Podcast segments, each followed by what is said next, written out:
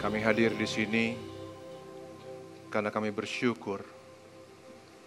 Dan sekarang Bapa kami siap untuk mendengarkan kebenaran firman-Mu. Berbicaralah, kami siap menyambutnya di dalam nama anakmu yang tunggal, Tuhan Yesus Kristus. Amin. Silakan duduk Bapak Ibu, saudara-saudaraku sekalian. Hari ini kita masih ngelanjutin tema besar kita bulan ini, yaitu tentang life, hidup, life, kehidupan. Tema yang saya bawain adalah sub dari itu, dan hari ini saya bicara tentang real and authentic. Real and authentic, jujur, apa adanya nggak pura-pura, bukan suatu imitasi, beneran, real and authentic. Nah, sebelum saya lanjutin, coba kita dengerin dulu lirik dari lagu berikut ini. Lagu yang sederhana banget, tapi kok liriknya nampar ya. Coba kita dengerin dulu. Ya, go.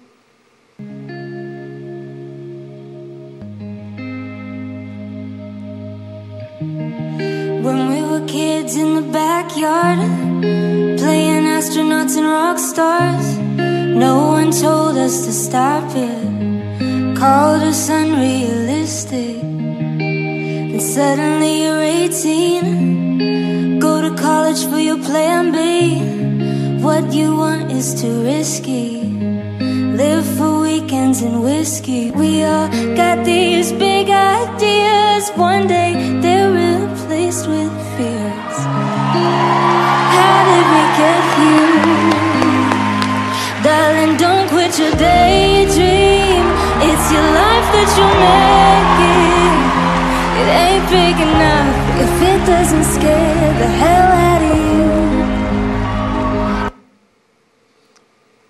Saya jadi ingat dulu saya sama adik-adik saya suka sama teman-teman juga, ini adik-adik saya dulu.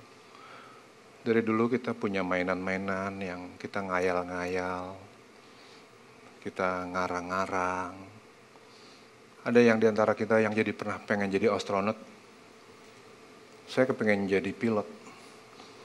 Adik saya pengen menjadi ini, jadi itu. Jadi hal-hal yang hari itu kita berani jujur ngomong gitu.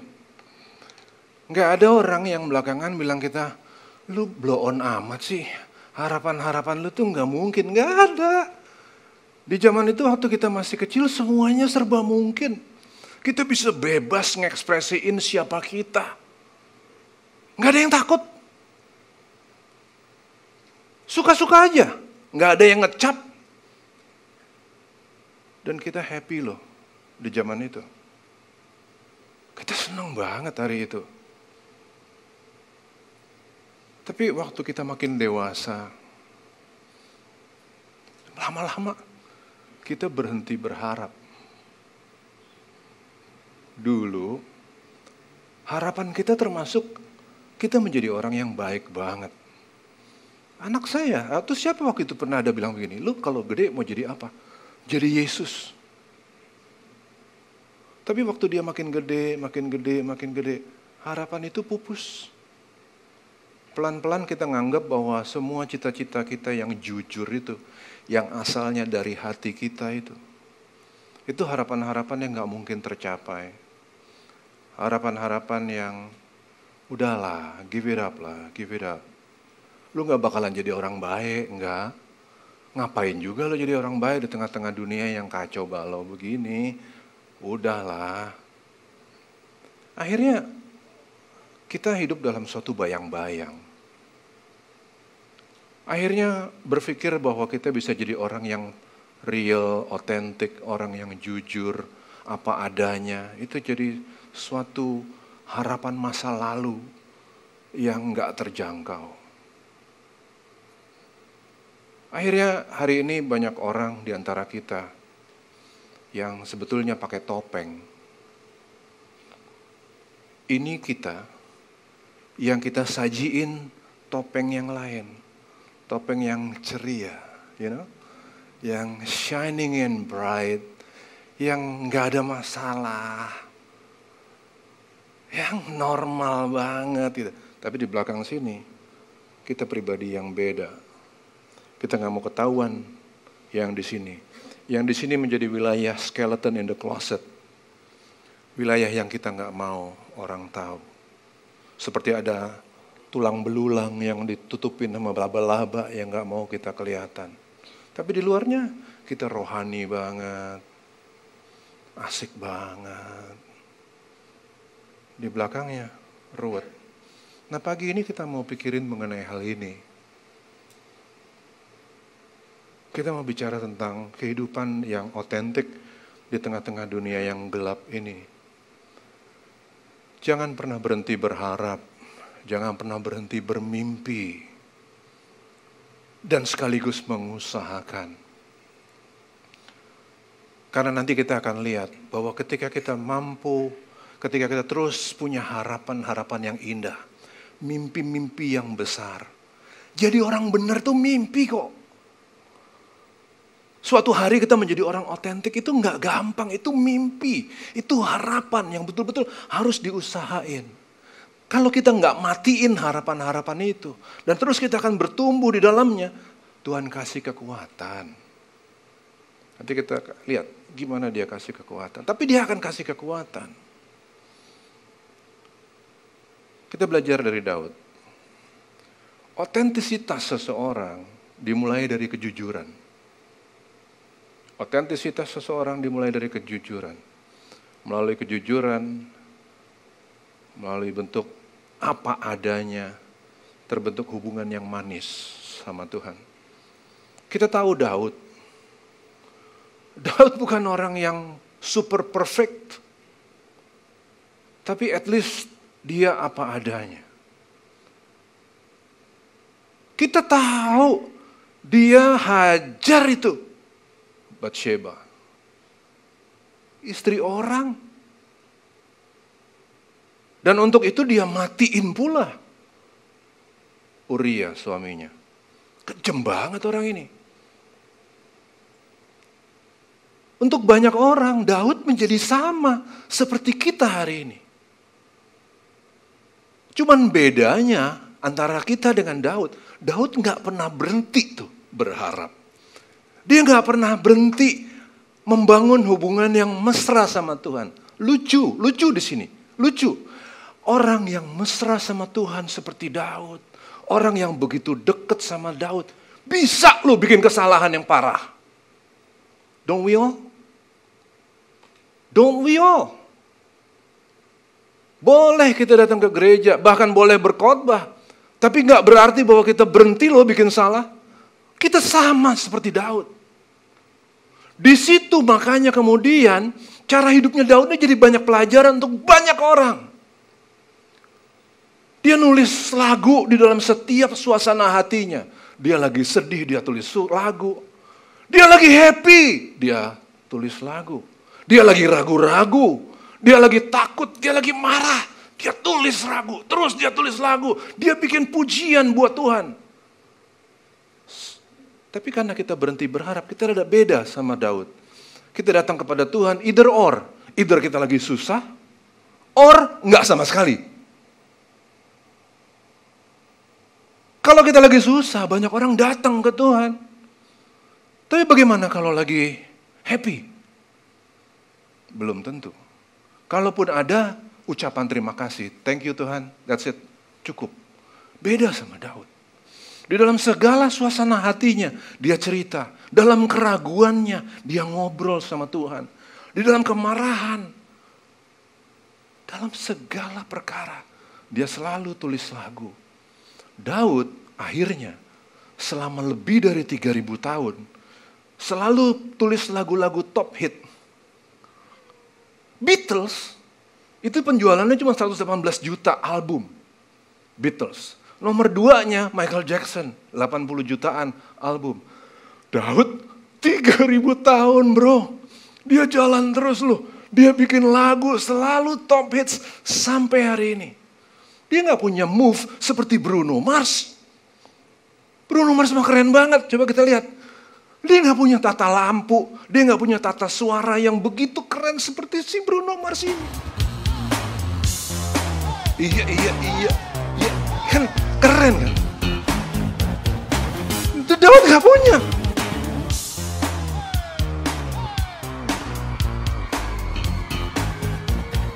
Tapi 3000 tahun. Bruno Mars berapa lama? Lagunya diterjemahin ke banyak banyak banyak banyak banyak bahasa dalam kesederhanaan. Dan ini garis bawahin dalam kejujuran dia nulis. Semua buruknya dia datang kepada Tuhan. Dia selalu membangun hubungan sama Tuhan. Hari ini banyak orang manipulasi. Hari ini bukannya bangun hubungan malah manipulasi. Seolah-olah dia dekat sama Tuhan. Come on. Mulai dari kita yuk. Jadilah orang-orang yang jujur dengan segala perasaan hati kita. Jujur sama mimpi kita. Jujur sama tujuan kita. Bahwa kita rindu untuk jadi orang-orang yang baik, orang-orang yang benar. Hanya dengan kejujuran yang sederhana seperti itu, Daud pegang tangga nagda, tangga top chart, 3000 tahun lebih. Ngeri loh. Lagunya sederhana-sederhana, Mazmur 23 misalnya. Tapi sampai hari ini dinyanyiin, aduh nggak selesai-selesai loh. Apa dasarnya? Kejujuran.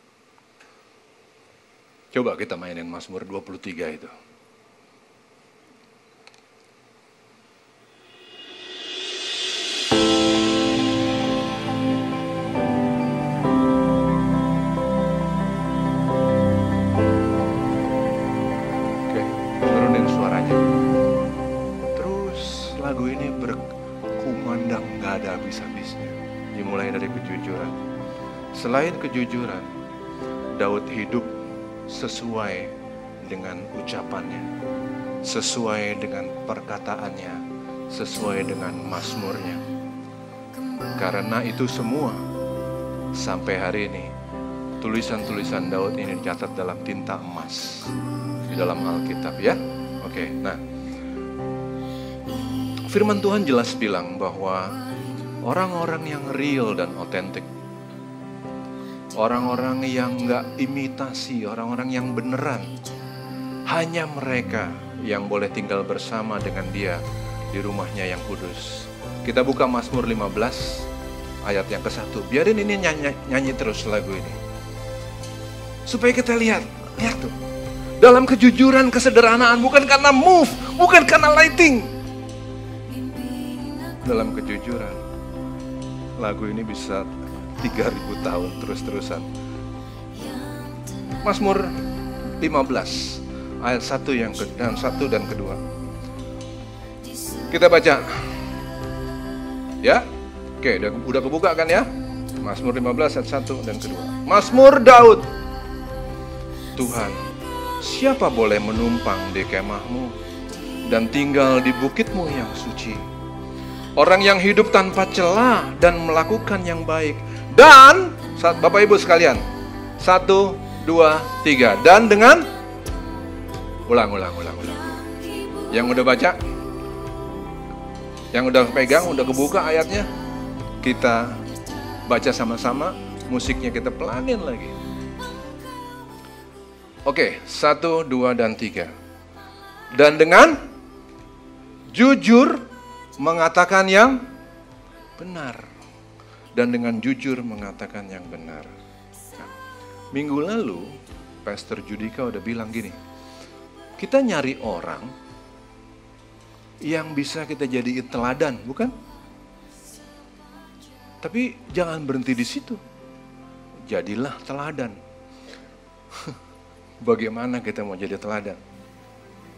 Kalau kita nggak jujur. Di tempat ini, kita ingat satu kalimat sederhana yang sering kita dengar. Kita pegang ini. Untuk menjadi orang-orang yang real dan otentik. Say what you mean. And mean what you say. Sederhana ya. Kita ulang sama-sama. Satu, dua, tiga. Say what you mean and mean what you say. Katakan yang sesungguhnya dan hanya katakan yang kita maksud. Tradisi kita hampir nggak memungkinkan kita untuk ngomong apa adanya, bukan?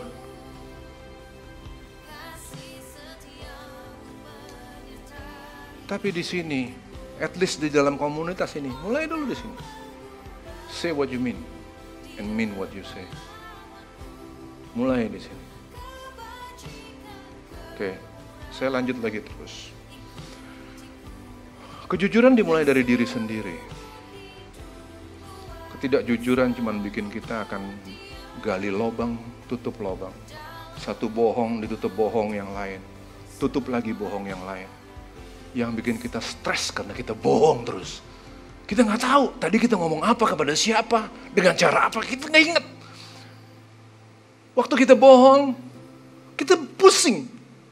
Udahlah kita pusing, ditambah lagi persoalan hidup yang pusingnya luar biasa. Kebayang nggak? Jadi apa kita? Menderita banget itu. Dan pertolongan Tuhan itu hanya datang kepada orang-orang yang jujur mengakui kekurangannya. Emang pergaulan kita hari-hari ini nggak memungkinkan kita untuk jadi orang yang jujur kadang-kadang. Namanya istri yang tersakiti, oh, yang kepinginnya sebetulnya dilindungi, tapi nggak dilindungi.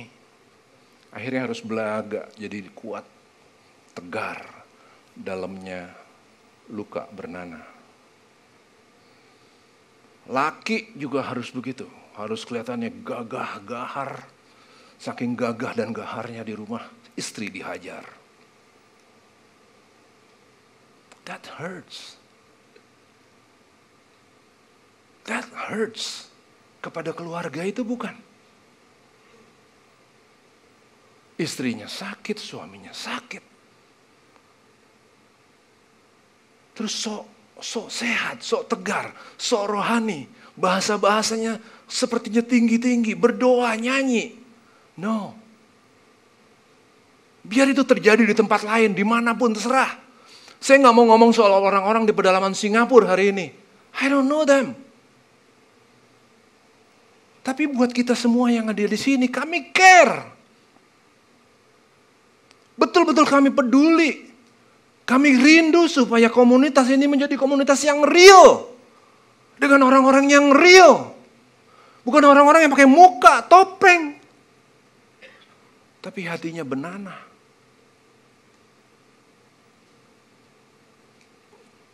Saya nggak peduli sama orang-orang di pedalaman Singapura. Saya ngeliatin muka-muka bapak-bapak, ibu-ibu, Stefan. Satu-satu nih, saya liatin. These are the people that we care. Semua yang ada di sini, Bu Linda, Sinta, Samuel, Tep. I love you all. Mulailah dengan kejujuran dari dalam diri kita. Nah, Daud nunjukin kejujuran yang luar biasa dalam dirinya. Dia nggak sok berlagak laki, seolah-olah dia nggak nangis. No, he cries, he cries a lot. Dia nangis banyak. Dia bukan serigala berbulu domba. Seperti yang sekarang banyak-banyak orang itu. Jubahnya pendeta. Di dalamnya serigala. Biar itu terjadi di tempat lain. Kita enggak, kita tiru Daud. Daud ngaku dalam, dalam kelemahannya dia datang ke Tuhan. Dia nangis, dia datang ke Tuhan. Lesu aku karena mengeluh. Setiap malam aku menggenangi tempat tidurku dengan air mataku. Aku membanjiri ranjangku. Dia jujur apa adanya. Dengan kondisi hatinya. Dan dia datang kepada Tuhan. Dia jujur. Gak apa-apa kok kita ngakuin we are not okay. Tapi problem lagi. Waktu kita jujur, ada nggak orang yang dengerin? Adakah komunitas yang dengerin ketika kita, ketika kita jujur? Ada nggak? Ada film Jeffrey Dahmer. Confession of a Killer. Orang ini, Jeffrey Dahmer, iya ampun deh. Dia pembunuh, dia bunuh banyak banget orang. Dan tiap kali dia bunuh orang itu, dimakan orang-orangnya. Disimpan di kulkas. Waktu ketangkep polisinya pingsan gara-gara buka lemari es isinya macam-macam organ manusia. Kayak naruh ikan. Kejem banget orang ini. Tapi yang menyentuh waktu saya waktu saya ikutin video itu, yang menyentuh banget.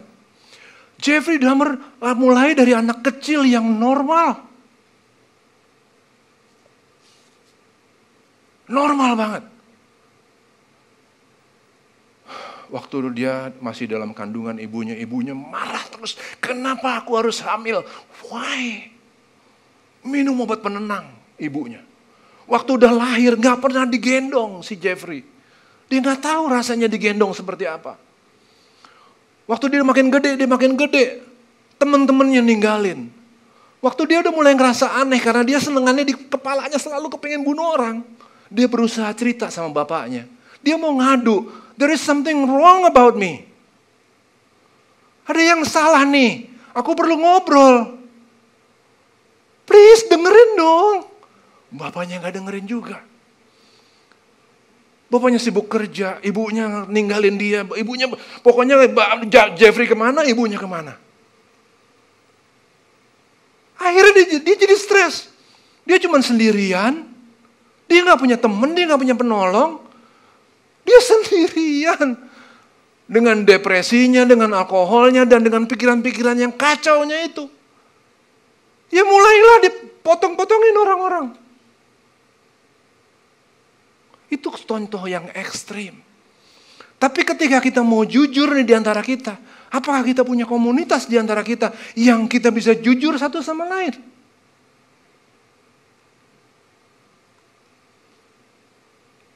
Lihat, ada enggak? Itu makanya visi kita adalah membangun komunitas, bukan bangun gereja. Komunitas. Di mana kita bisa bertumbuh bersama, bisa saling jujur, mengakui kesalahan, kekurangan, saling jaga dan lain-lain. This is us. Us itu bukan cuma kami pendirinya atau pengurusnya atau yang mikot bah no, kita semua. Ayo masuk. Kita lengkapi diri kita sama-sama. Kalau kita kuat, kalau kita bisa saling jujur di antara kita, kita akan memberkati orang lain. Dimulai dari kejujuran diri sendiri. Tapi dan ada yang mau dengerin enggak? Siapa yang mau dengerin? Di situ ada kalimat Mazmur yang menantang banget. Dari manakah akan datang pertolonganku? Dari mana datangnya pertolonganku? Ada yang denger enggak? Dan lebih ngerinya lagi, ada kemungkinan dalam kejujuran, kalau kita mau ngomong jujur, Jangan-jangan kita lah sumber stres orang. Daud kadang-kadang menjadi stres gara-gara kelakuan orang lain kepada dia. Sepanjang hari aku dicela oleh musuh-musuhku, kata Daud. Orang-orang yang mempermainkan aku menyumpah dengan menyebut namaku. Mazmur 102 ayat 9. Berapa banyak orang yang kita bikin jadi stres gara-gara kita?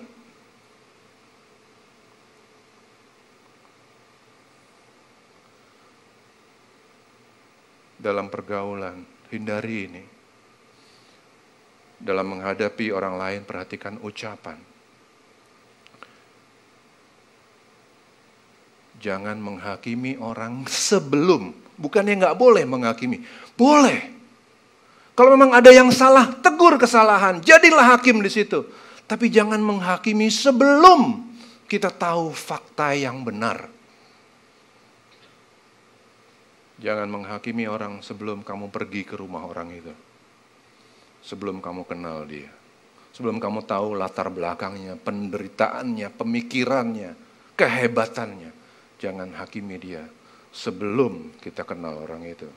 Terlalu banyak orang yang katanya Kristen, yang katanya nggak mau menghakimi, tapi jadi hakim-hakim yang jahat. Itu pun kita harus akui secara jujur. dan jangan ada di tempat ini. Oke. Nah, kerusakan yang kita alami dari kecil, yang waktu dulu kita nggak berani lanjutin, kekecewaan kita, ketakutan kita, semua yang gak enak yang kita hadepin, yang akhirnya bikin kita jadi topeng, itu harus diselesaikan. Penyelesaiannya adalah dari manakah datangnya pertolonganku? Jawabannya dari Tuhan. Tapi Tuhan gak nyelesain masalah kita secara magis doang. Kalau memang kita ada masalah, mungkin dari tadi waktu saya ngomong pada mikir gini, iya tapi problem gue berat banget men Gak bisa, rumah tangga gak bisa ini. Gak bisa, susah. Ini ini terlalu ruwet. Betul, pertolongan Tuhan datang dari psikolog. Pertolongan Tuhan juga datang dari marriage counselor. Pertolongan Tuhan juga bisa datang dari banyak-banyak-banyak tempat. Karena kita datang ke psikolog untuk berobat, untuk berkonsultasi, bukan artinya kita gila.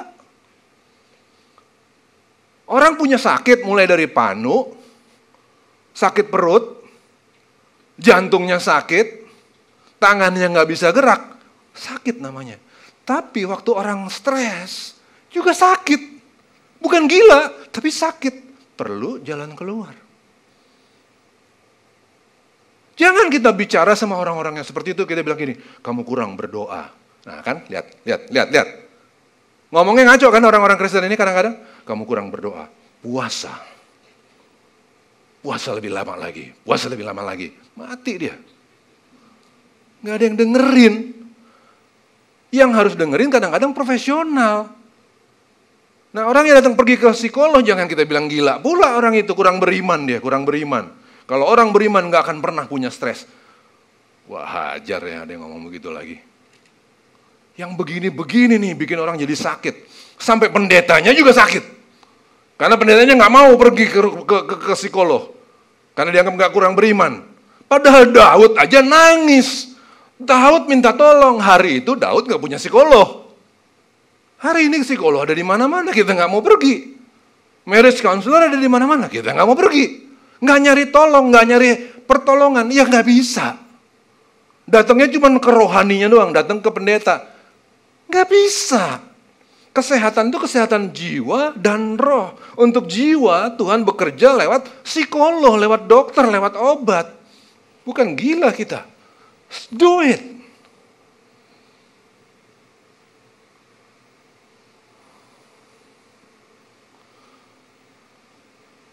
Dari kecil anak-anak kami ini kita tes. Siapa punya bakat apa? Brian, mana Brian? Waktu itu kita khawatir sama Brian. Ini anak tengah, anak nomor dua. Selalu ada mid child syndrome kan? Mana Brian? Mid child syndrome. Kita khawatir jangan-jangan dia kena mid child syndrome. Tapi kita nggak cuma sekedar khawatir. Kita pergi ketemu psikolog. Disuruh gambar, psikolognya suruh gambar. Dia gambar pohon, dia gambar apa gitu. Diterjemahin. Ternyata waktu itu kita tahu secara dini banget. Iya, dia ngerasa rada jauh dari figur bapak. Dia lebih dekat sama ibu. Problem kan? It's okay. Habis itu kita perbaiki. Tahu begitu kita benerin. Kenapa kita nggak bikin itu sama anak-anak? Do it. Anak saya yang ketiga, Rafael. Kita pikir waktu itu dia aman. Dia bukan mid child, jadi pasti aman. Kita pikir dia punya bakat dan karunia di science, sekolah mengenai science sampai kelas 3 SMP sampai SMA. Ternyata kita salah dan hampir kebablasan. Waktu udah di SMA baru kita lihat ini anak kayaknya perlu dites bakat nih, baru kita tes bakat. Iya loh ternyata dia bukan orang sains, dia orang sosial. Untung kita tes. Biasa aja. tes-tes begitu, apa itu untuk kita yang tuaan untuk datang ngobrol sama psikolog, that's okay. Pertolongan datangnya dari Tuhan, tapi nggak dengan cara yang magis kok. Nah, kesehatan roh. Gimana caranya kesehatan roh? Untuk kesehatan roh, pertolonganku ialah dari Tuhan yang menjadikan langit dan bumi. Ia tak akan membiarkan kakimu goyah penjagamu tidak akan terlelap. Untuk kesehatan roh, bikin yang waktu itu terakhir saya sampaikan kepada Bapak Ibu. Ada treatment namanya BMW treatment. Bukan beli mobil BMW. Treatmentnya adalah treatment BMW. Breathe, mind, and word. BMW breathe. Dalam kondisi kita juga terjepit. Dalam kondisi kita capek. Dalam kondisi kita bingung. Adain waktu duduk bersama dengan Tuhan. Nggak harus pagi. Nggak semua kita orang pagi. Kalau kita orang malam, jadilah orang yang malam. Datanglah ke Tuhan malam. Kalau kita senangnya siang, sianglah. Kalau sore, ya sore lah. Jangan ada yang ngomong, kalau bukan pagi berarti tidak rohani. Capek dengar yang gitu-gitu datang kepada Tuhan, dimulai dengan pernafasan yang baik. Buang nafas, tarik nafas, pelan, rasain, buang nafas, tarik nafas. Kenapa harus dibuang dulu, bukan tarik dulu? Kita mau kasih dulu, bukan narik. Stop thinking about you. Buang nafas dulu, Bu. Tarik. Stop thinking about you. This is not you. This is you and him. Buang nafas, tarik. Penuhin pikiran kita tentang apa yang mau kita sampaikan ke Tuhan. Apa sih?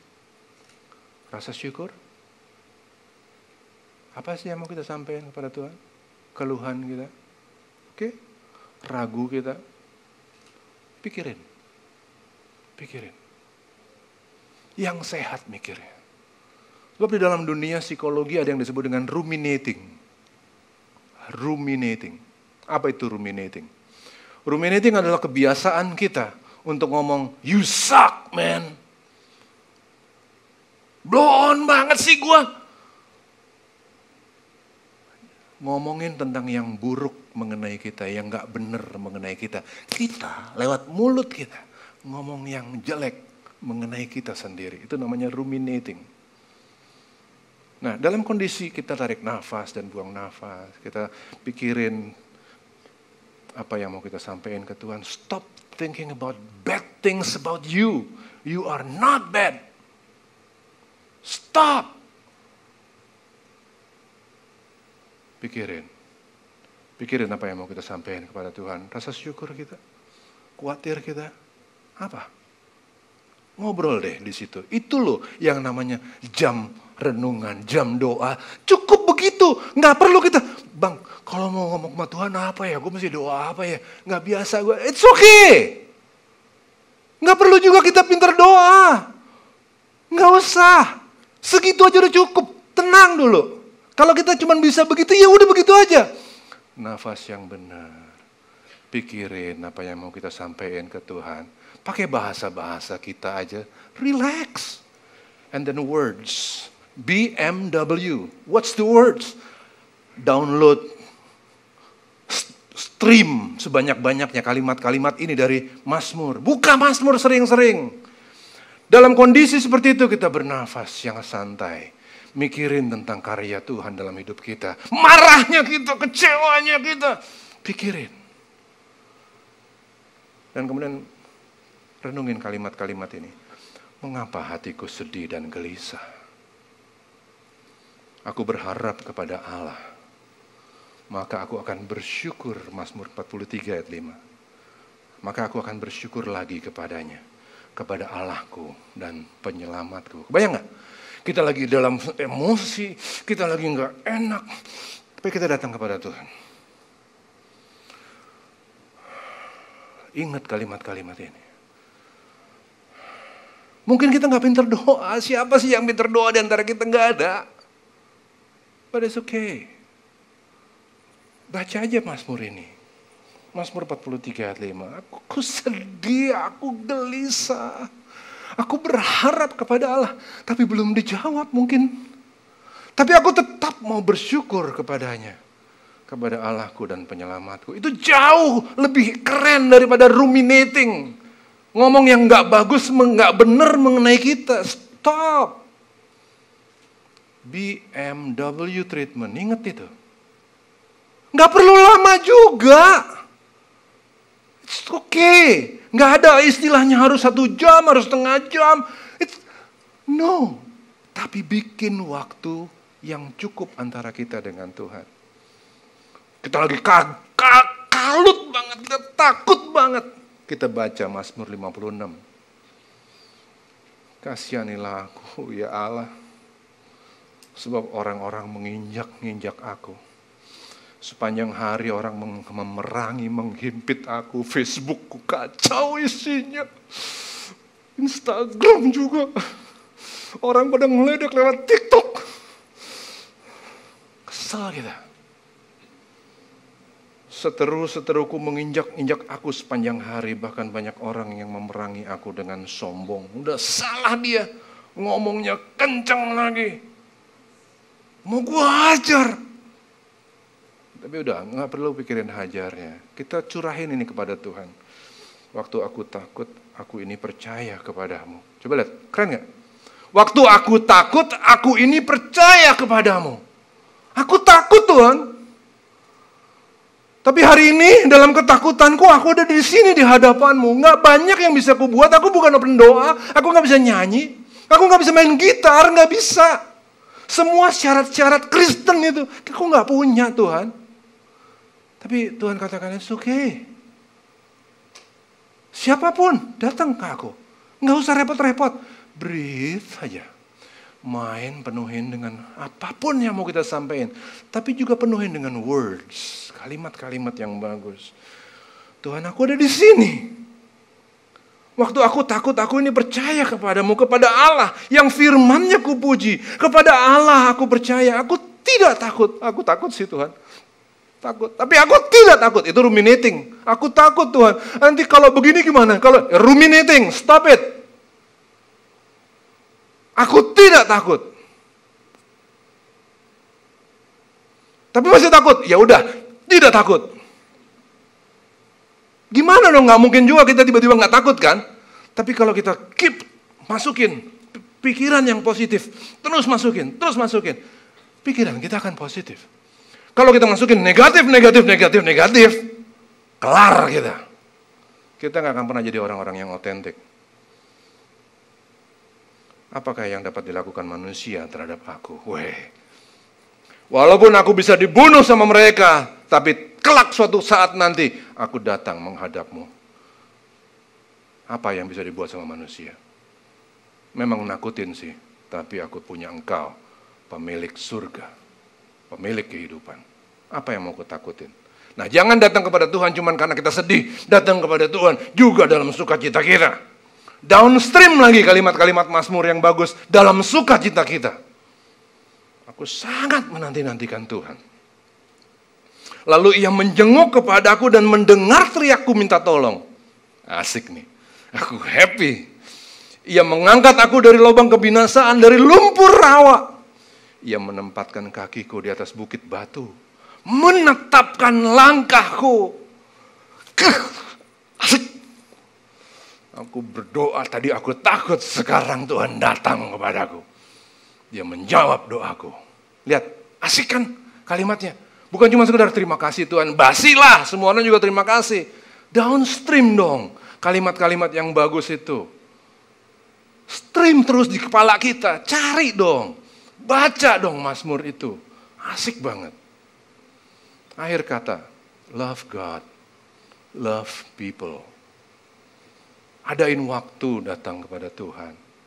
Harpu jangan berhenti dengan harapan kita bahwa kita akan jadi orang baik. That's love God. Tapi ketika kita mencintai Tuhan, jangan berhenti juga dengan usaha kita untuk perbaiki jiwa kita. Pergi ke dokter, pergilah. Sambil kita juga benahin roh kita. Bikin waktu BMW treatment. Do it. Jangan gak ada sama sekali. Love God, love people. Bentuklah komunitas di antara kita. Orang-orang yang jujur, orang-orang yang asik, orang-orang yang keren. Di sini kita udah bikin macam-macam kegiatan. Please join. Ada sel group, ada segala macam. Please join. Ayo kita ngobrol sama-sama. Kita curhat bareng-bareng. Kita cari jalan keluar bareng-bareng. Kita susah bareng-bareng. Kita happy bareng-bareng.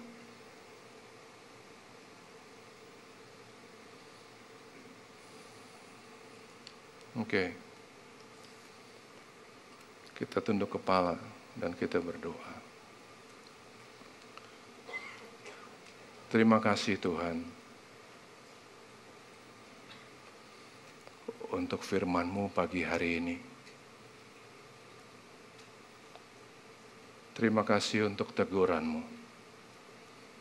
Kalau ternyata di dalam hidup kami, kami pakai topeng, tapi ternyata di dalam hati kami penuh dengan kemarahan, luka dan mungkin bernanah. Ini waktunya kami untuk meminta maaf kepadamu. Kami mau jadi orang-orang yang jujur, mulai dari dalam hati kami, sampai nanti dalam pergaulan kami sehari-hari. Kami rindu untuk menjadi orang-orang yang otentik, orang-orang yang real, orang-orang Kristen yang memuliakan hati Tuhan. Terpujilah namamu Bapa. Di dalam nama Tuhan Yesus kami berdoa. Amin.